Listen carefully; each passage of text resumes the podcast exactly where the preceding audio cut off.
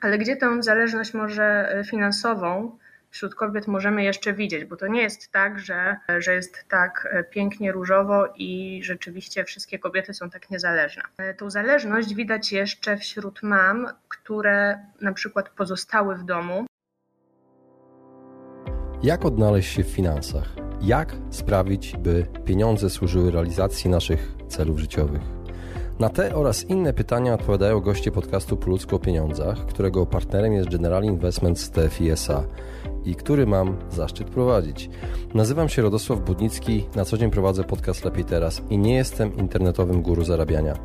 Rozmawiam tylko po ludzku o pieniądzach z ekspertami, którzy zrozumiałym językiem tłumaczą zawiłości finansów i to, jak sprawić, by pieniądze nam służyły, a nie nami rządziły. Serdecznie zapraszam. Witam Was serdecznie w kolejnym odcinku podcastu Po ludzku o pieniądzach. Dzisiaj do rozmowy zaprosiłem Olgę Wójcicką, która jest autorką badania pod tytułem Matka Polka – obraz współczesnego macierzyństwa według kobiet. Jest to najnowszy raport stworzony przez Media Hub, który analizuje podejścia do związków, wychowania dzieci i życia i wskazuje na wybory konsumenckie i światopoglądowe. Badanie zostało przeprowadzone we wrześniu 2021 roku wśród 1691 kobiet, w tym 1088 matek. Grupy kobiet były różnicowane pod względem wieku, poziomu wykształcenia i wielkości miejsca zamieszkania. To, co odkrył ten raport na temat naszych kobiet, polskich matek, opowie Olga Wójcicka, autorka raportu. Serdecznie zapraszam do wysłuchania naszej rozmowy. Cześć Olga. Cześć, cześć Radek. Bardzo dziękuję, że zgodziłaś się wystąpić w podcaście Po ludzku o pieniądzach i przybliżyć nam wyniki pewnego badania. Jakbyś mogła przedstawić się tak. słuchaczom i powiedzieć, czym się zajmujesz na co dzień zawodowo. Oczywiście. Ja się nazywam Olga Wójcicka, pracuję w domu mediowym jako Consumer Insight Manager, ale może tak tłumacząc te anglicyzmy, to na co dzień analizuję postawy konsumentów i ich opinie o markach czy produktach.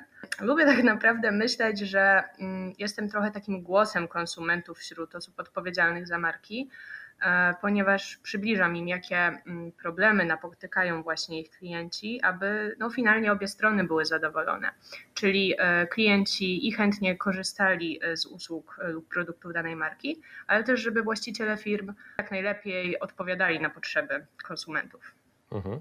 No i w związku ze swoją pracą przygotowałaś pewien raport, bo dzisiaj chcę z Tobą porozmawiać o tym, tak. jak polskie mamy zarządzają domowymi finansami. Czy Twój raport odpowiada na te pytanie? Jak najbardziej. W ogóle raport jest bardzo obszerny. E, to jest raport Matka Polka, obraz współczesnego macierzyństwa według kobiet. On powstał właśnie w ramach e, mojej organizacji, ale również we współpracy z Instytutem Badań Polster, który w ogóle przeprowadził nam to badanie, więc może chwilkę opowiem uh-huh. o co chodziło w tym badaniu, jak było przeprowadzone. Wzięło w nim udział prawie 1600 kobiet, Polek wśród których było 1100 mam i na tej grupie się skupiliśmy. E, Polster dopilnował, e, żeby wszelkie dane, które gromadziły, były jak najbardziej, jak, najba, jak najlepiej oddawały rzeczywistość, czyli rzeczywiście ta wysyłka oczywiście była reprezentatywna. Sam raport e, poruszał bardzo wiele kwestii, bo z jednej strony zapytaliśmy kobiety o takie kwestie społeczne, z drugiej strony właśnie o to, jak konsumują, jakie są ich finanse, jak robią zakupy, ale też jakie mają relacje z partnerami i czy są z nich zadowolone, czy nie. Ale wiesz co, najbardziej mnie ciekawi, jak raport odpowiedział, właściwie co raport y, odkrył na temat tego symbolu kobiety matki Polki, które całe swoje życie poświęca rodzinie, wychowaniu dzieci. Czy to w dalszym, w dalszym ciągu w polskim e, społeczeństwie funkcjonuje? Odpowiem może w taki możliwie najbardziej niejednoznaczny sposób, czyli i tak i nie. A tak naprawdę no, to zależy. Oczywiście model matki Polki jest wciąż jakimś obowiązującym. Co ciekawe, e, więcej tutaj jest mam chłopców niż dziewczynek, które uważają, że właśnie e, za taką matkę Polkę się uważają. E, ale nie jest to model dominujący, bo e, nieco tylko ponad 20% mam w ogóle utożsamia się z byciem taką matką Polką. Jest to trzeci dopiero najczęściej wybierany e, model. Tak naprawdę mamy chcą być uważane za takie matki przyjaciółki lub matki opiekunki. Co tutaj też jest istotne do podkreślenia, to że ta matka Polka nie jest tak naprawdę tą matką Polką, którą, która może nam przychodzić od razu na myśl. Czyli to nie jest ta kobieta siedząca przy tych tak zwanych garach, nieaktywna zawodowo. Ten taki pejoratywny, y, krzywdzący stereotyp w ogóle się nie potwierdził już. A powiedz, y, robiąc ten raport, co poddałaś analizie? Co, co jest podane analizie w tym raporcie?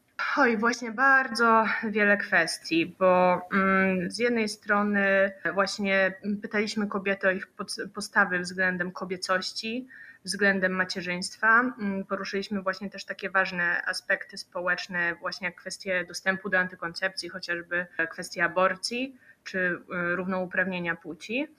Mm, ale też właśnie y, zapytaliśmy kobiety o ich rolę w gospodarstwach domowych, o ten podział obowiązków pomiędzy kobietę a mężczyznę. Jak, y, też zapytaliśmy, jak wyglądają te finanse domowe, bo chcieliśmy tak naprawdę, zależało nam, żeby ten obraz matki polskiej był jak najbardziej pełny, bo mm, troszkę mieliśmy taką ostatnio zagwostkę, czy rzeczywiście, nawet chociażby po wydarzeniach z października 2020 roku, no jak chodziliśmy w tych, e, chodziłyśmy w tych marszach e, kobiet, to jednak byłyśmy nastawione na bardzo różne tak naprawdę takie komunikaty medialne mhm. E, w tym czasie. Wręcz możemy powiedzieć, że zupełnie skrajne. No wiadomo, że temat jest bardzo polaryzujący. No niemniej jednak z jednej strony słyszałyśmy, że jest nas garstka i to w ogóle to, to jest jakaś taka taki wybryk, taka jakaś zachcianka kobiet z dużych miast, a drugie media mówi, że rzeczywiście jesteś tym, głosem wszystkich mhm. polskich kobiet i e, chodząc w tych marszach, a tak naprawdę no wtedy spacerując, bo przecież e, lockdown i środek pandemii, e, zaczęłam się zastanawiać, czy ja rzeczywiście żyję w takiej mm, pewnej wielkomiejskiej bańce świadomościowej, i krzyczę tak naprawdę tylko w swoim imieniu, czy rzeczywiście jestem taką rzeczniczką też tych, które z jakichś przyczyn się wypowiedzieć nie mogą? Czy ten, kobiet, czy ten temat mhm. rzeczywiście dotyczy większości kobiet w Polsce, czy tylko pewnej grupy, która jest e, w mniejszości? E, więc tak naprawdę tych tematów było bardzo dużo, ale główny cel był taki, żeby się dowiedzieć, jak to naprawdę jest. Wiesz co, kusi mnie, żeby zapytać, jaką techniką robiliście to badanie, jak to było robione technicznie, bo ja studiowałem mhm. socjologię, mieliśmy na drugim roku metodologię badań, więc bardzo mnie to ciekawi. Jasne. Wiesz co, to było robione metodą KAWI, czyli e, przez internet wysyłaliśmy kobietom e, do wypełnienia ankietę. Ta wysyłka właśnie tych e, ankiet była reprezentatywna na Polskę, czyli kobiety, które dostały ją były, mm, w sensie ta wysyłka była i reprezentatywna pod kątem i ich wieku mhm. i wielkości miejsca zamieszkania, czyli e, chciałyśmy w ten sposób jak najbardziej odtworzyć taki realny obraz e, polskiej kobiety. Mhm. Rozumiem. Jeszcze e, może tylko dodam, mhm. że w badaniu wzięły udział, bo wiadomo, że w większości matki i o to nam chodziło. I są to kobiety od 18 do 64 roku życia. Okej. Okay. Wiesz co, najbardziej jednak mnie ciekawi, ze względu na podcast, który prowadzę, czy mhm. Według raportu polskie kobiety są niezależne finansowo. Generalnie tak, bo większość rzeczywiście, bo taka największa grupa posiada swoje oddzielne budżety, czyli albo w ogóle z partnerem e, każde z nich ma e, oddzielne konta odrębne, albo mają jedno do, wspólne do płacenia rachunków, ale poza tym jednym mają też e, swoje, na które najprawdopodobniej wchodzi im co miesiąc pensja i mogą też jakąś część przeznaczać na własne, e, własne potrzeby. Ale gdzie tę zależność może finansową wśród kobiet możemy jeszcze widzieć, bo to nie jest tak, że, że jest tak pięknie różowo i rzeczywiście wszystkie kobiety są tak niezależne. E, tą zależność widać jeszcze wśród mam, które na przykład pozostały w domu. No nie mają własnego źródła dziecka. utrzymania po prostu. Nie mają tak, własnego... tak. Mhm. Nie mają swojego źródła utrzymania, ale co więcej, E, jest to bardzo widoczne wśród młodych mam. One, ok, zostają w domu na macierzyńskim, ale to też jest ta grupa, e, która, która najbardziej e, zgadza się z takim stwierdzeniem, że to mężczyzna w domu odpowiada za tak naprawdę przynoszenie pieniędzy. Mhm. Mimo, że to są młode kobiety i to mnie na przykład, to mnie trochę zdziwiło, bo że te właśnie kobiety między 20 a 30, 35 rokiem życia które, no tak się może wydawać, że są najbardziej postępowe, Mhm. E, jednak w tej grupie ten odsetek kobiet, które mówią, że to mężczyzna jest od zarabiania pieniędzy, jest najwyższy. Ale to też najprawdopodobniej wynika z tego, że w tym momencie właśnie one są albo na urlopie macierzyńskim, albo zdecydowały się jeszcze na wychowawczy, więc to wynika po prostu z ich sytuacji, w której obecnie w życiu się znajdują. A jak to się rozkłada, jeżeli pamiętasz, y, jak to się rozkłada, jeśli chodzi o wielkość miejscowości, w której się żyje? Bo się mówi, tak. że prawda, na wsi ludzie mają bardziej tradycyjne poglądy, prawda, niż od tak, miastowych. To prawda. tak, to prawda. I, tak. E, I właśnie to też się okazało, y, fajne w ogóle odkrycie, że to też już możemy mówić o takim pewnym micie tych mhm. takich e, różnic między e, dużymi miastami a między wsiami. Generalnie różnica tak naprawdę w przypadku matek jest taka, że rzeczywiście na wsiach częściej decydują się na dłuższe zostanie w domu z dzieckiem, ale to też wynika z tego, że jak one już odejdą z pracy, to ciężko, mm, ciężko im o ten powrót możliwe, że już po prostu straciły, straciły swo- możliwość powrotu do tego samego miejsca, no a nowe, o nową pracę jest trudniej. Więc one na pewno częściej decydują się na zostanie albo na stałe w domu, albo na późniejszy powrót do pracy. Niemniej jednak, jeśli chodzi o samo w ogóle wychowywanie dzieci, okazuje się, że nie ma tak naprawdę już praktycznie żadnych różnic e, w ogóle w podejściu do wychowywania dzieci. Czyli to nie jest tak, że mama na wsi wychowuje dziecko zupełnie inaczej niż kobieta w dużych miastach. Mhm. No dobrze, ale co innego niezależność finansowa, a czasami co innego wybory zakupowe. I kto w polskim domu, według raportu, jest odpowiedzialny za dokonywanie wyborów zakupowych? Powiem Ci tak, zakupy generalnie w większości kategorii produktowych, bo to też trzeba rozróżnić, e, robimy wspólnie z partnerem to jest taki model dominujący, czyli jednak e, te sobotnie zakupy e, w supermarkecie wspólnie z koszykiem wypchanym po brzegi to jest jak najbardziej ten prawdziwy obrazek. Ale mm, rzeczywiście e, kwestia tych kategorii produktowych, bo kobiety z pewnością częściej kupują chociażby produkty dla dziecka, oczywiście odzież, kosmetyki, ale też chemię gospodarczą. To są rzeczywiście takie produkty, w których one, one kupują częściej ale tak naprawdę ciekawe jest spojrzenie też nie na sam fizyczny zakup tych produktów, ale właśnie na decyzyjność y, w kontekście zakupu. Czyli tutaj w ogóle kobiety y, cechuje większa odpowiedzialność, czyli nie chodzi o to, kto fizycznie idzie do sklepu i wkłada produkt do koszyka, tylko kto decyduje o tym, jaki produkt do tego koszyka ma trafić. Mhm. Bo... No dobrze, ale właśnie pytanie, jak to mhm. wygląda? Czy żona konsultuje jakiś zakup, decyzję o zakupie z mężem? Tak, najczęściej decyzje są podejmowane wspólnie, ale to też właśnie zależy od kategorii, bo jest mnóstwo kategorii, w których to kobieta decyduje, co, co ma w tym koszyku się znaleźć, niezależnie od tego, czy ona idzie do sklepu, czy mężczyzna.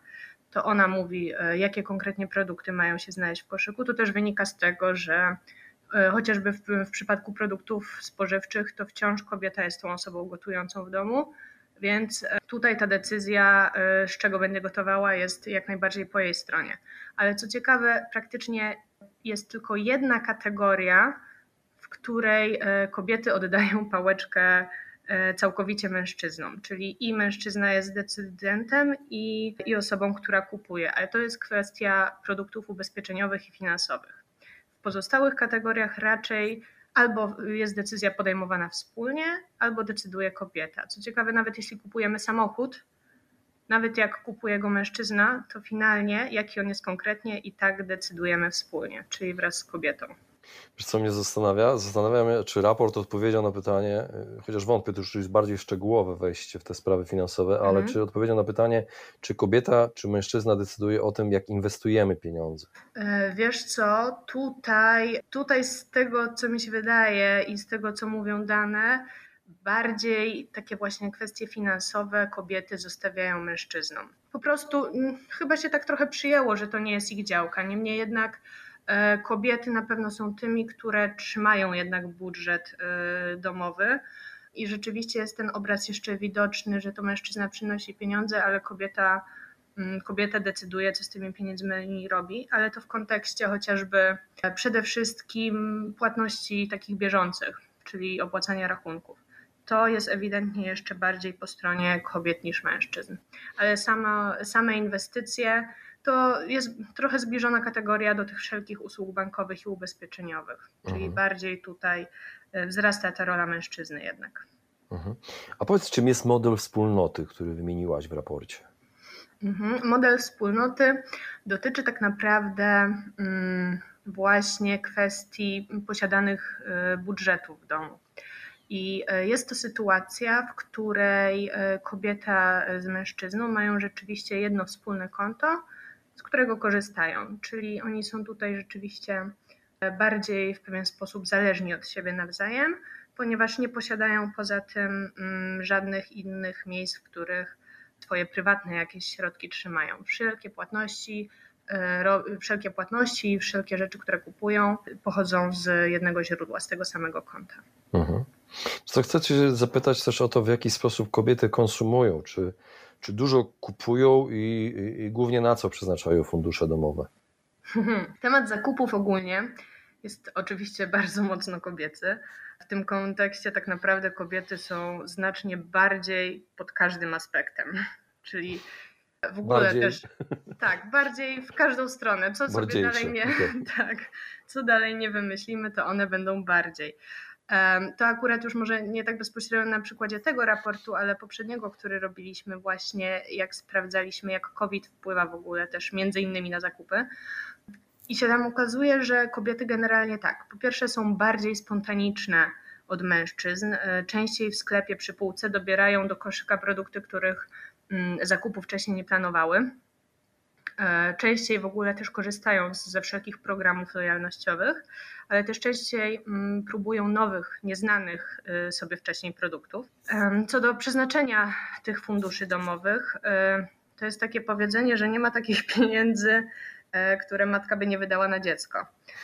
I rzeczywiście coś w tym jest, bo rzeczy, jest to jeden z, duży, z dużych elementów kobiecego budżetu ale tak naprawdę kobiety też coraz częściej myślą o sobie również i o swoich przyjemnościach, bo jak zapytaliśmy kobiety, jaka, mm, co jest dla nich najistotniejsze w ogóle w byciu kobietą, to się okazało, że to bycie matką, mimo że pytaliśmy tylko matek, mm, jest dopiero trzecim najczęściej wybieranym elementem. Tak naprawdę jednak e, taka samoakceptacja jest e, rzeczą najważniejszą, więc one też przechodzą taką pewną przemianę i są coraz bardziej świadome samych siebie, co też najprawdopodobniej wpływa na koszyk zakupowy. Mhm. A powiedz, czy są oszczędne, czy wręcz przeciwnie, jak to jest? Bo z tego, co powiedziałaś, można powiedzieć, że nie są oszczędne, bo są podatne na perswazję, jakąś tam reklam, reklam mhm. i tak mhm. dalej, tak? Z jednej strony na pewno kupują więcej niż mężczyźni, ale z drugiej strony trzeba też przyznać, że są lepszymi łowczyniami wszelkich okazji i promocji więc czy kupują więcej? Z pewnością, ale czy wydają więcej? No tutaj już niekoniecznie. Wiesz co, jak yy, tak rozmawiam z tobą, to cały czas przed oczami mam te moje wizyty, które są coraz rzadsze w ostatnich latach w galeriach handlowych. Mhm. Mm, jest taki jest taki e, profil na Instagramie, nie wiem czy śledziłaś, y, komediowy bym powiedział, satyryczny. Nazywa się The Miserable Men, czyli mhm. tacy nieszczęśliwi faceci i pokazuje zdjęcia przesyłane przez ludzi z całego świata facetów, którzy czekają z płaszczami na ramieniu swoich kobiet torebkami przed sklepami. I, tak. i są specjalne Czasem dla nich jeszcze ławki. to zauważam. I to widzisz, właśnie. Tak. Czy, czy właśnie, te, jak zastanawiałem się, najwięcej z jakich krajów tych zdjęć pochodzi. Zastanawiałem mm -hmm. się, mhm. czy, czy w Polsce jest dalej ten model, czy faceci też chodzą pomiędzy tymi, pomiędzy tymi półkami. Jak to jest? Jaki taki tak, obraz że... możemy mieć? Miserable Man? Powiem Ci, że jeszcze tak to funkcjonuje. Sama to obserwuję w Arkadii, którą mam niedaleko siebie. Faceci tacy porzuceni tak, na zewnątrz, stoją dosłownie jak psy przywiązane przed sklepem. Tak, i czekają po prostu i tylko zerkają na zegarek. To, mhm, to głównie wynika z tego jednak, że no kobiety, jest tym bardziej w galeriach, to jest jednak o ciuchach. A y, kobiety potrafią naprawdę no, w przebieralni spędzić bardzo dużo czasu. Na koniec, mhm. okej, okay, spędzą i godzinę w tym sklepie i wyjdą z niczym. Tak? Mhm. Mężczyzna po prostu działa zero-jedynkowo. On wchodzi po konkretną rzecz, wychodzi, koniec zakupów. Jednak e, oczywiście to się zmienia. Mężczyźni też e, coraz bardziej przychylnie podchodzą do tych zakupów. Kobiety też ze względu na to, że zaczynamy robić coraz więcej zakupów online, a ciuchy są taką kategorią, która w ten online wchodzi praktycznie najmocniej i mm, jest najbardziej przychylnie wybierana e, w tych zakupach digitalowych to kobiety też zaczynają tracić cierpliwość na to chodzenie po sklepach. To zdejmowanie kurtki w przebieralniach, gdzie jest duszno, przebieranie się. Też rzeczywiście łatwiej jest nam kliknąć w aplikacji, kupić kilka rzeczy. Nie będą pasowały, ok, odeślę, ale nie marnuję tego czasu. Więc e, na pewno ten model, choć jeszcze widoczny, też powoli się zmienia. Mhm. A powiedz mi, już tak ostatnie pytanie na koniec. Y, podsumowujące, bo y, mówimy o tym, że model się zmienia. Czy coś mhm. zmieniła pandemia właśnie? Mm, tak naprawdę wypracowany ten model takiego partnerstwa w ogóle w polskim gospodarstwie domowym nie uległ jakiejś wyraźnej y, zmianie ze względu na pandemię. To raczej jest taki proces, który stale się przekształca już od wielu lat i stale będzie. Mm, ale pandemia natomiast pokazała na pewno taką łatwość, z jaką kobiety przystosowują się do zmiany. W momencie, gdy mm, rzeczywiście e, koronawirus atakował bardziej, przybierał na sile, to kobiety były w większym stopniu niż mężczyźni w stanie ograniczyć mm, wydatki, głównie na takie własne e, jakieś e, dodatkowe zajęcia, też doszkalanie się czy pasje a w momencie, kiedy sytuacja się poprawiała, coraz bardziej myślały na przykład o planowaniu jakichś rodzinnych wakacji. Mhm. Więc na pewno są bardziej elastyczne e, w takich sytuacjach, e, nazwijmy je trudnymi, ale z drugiej strony możemy zauważyć, że jak z czegoś rezygnują, to jednak wciąż rezygnują e, z dodatkowych wydatków na siebie, a jak na coś, coś planują większego i na coś mają wydawać, to na rzeczy związane z całą rodziną. Więc jednak rzeczywiście e, nawet w kontekście finansowym od e, roli matki na pewno nie, nie uciekną. Super. Olga, bardzo Ci dziękuję za rozmowę. Dziękuję bardzo. Do usłyszenia. Do usłyszenia. Właśnie wysłuchaliście podcastu Po ludzku o pieniądzach. Mam nadzieję, że Wam się podobało. Jeśli tak, poświęćcie swój czas, proszę pozostawić swoją recenzję na Apple Podcast. Jeżeli macie pytania lub propozycje dotyczące kolejnych audycji, piszcie do mnie na fanpage'u Po ludzku o pieniądzach i do usłyszenia następnym razem. Pozdrawiam serdecznie.